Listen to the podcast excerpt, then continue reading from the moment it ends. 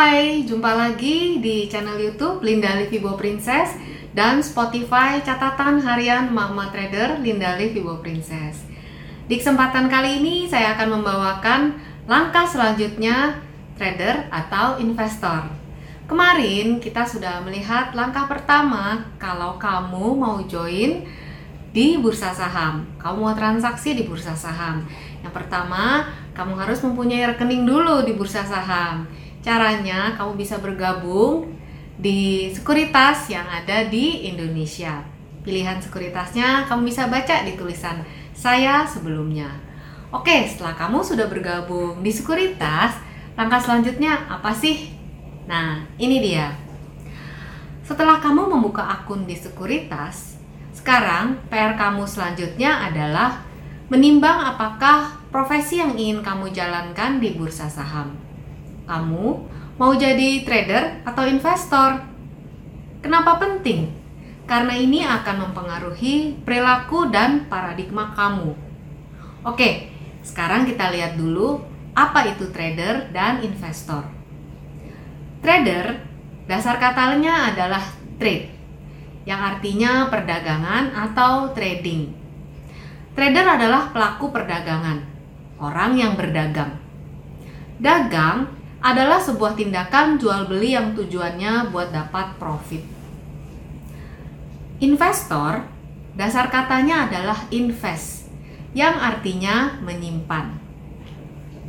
Investor adalah pelaku investasi Orang yang melakukan investasi disebut investor. Investasi artinya menyimpan, disimpan, nggak dijual beli kayak trading. Nah, kamu mau yang mana?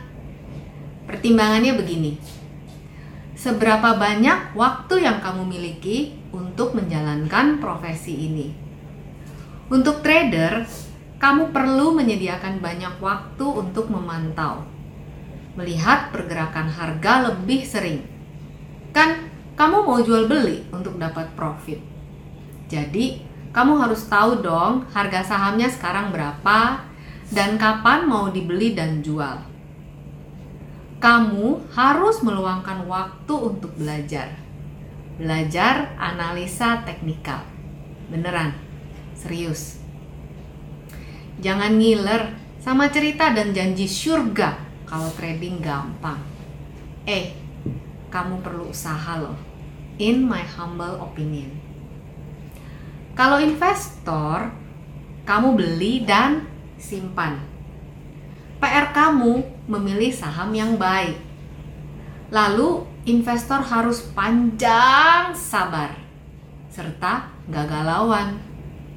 Karena investor harus tahan banting buat jangka waktu yang lama. Emang saham dibanting-banting?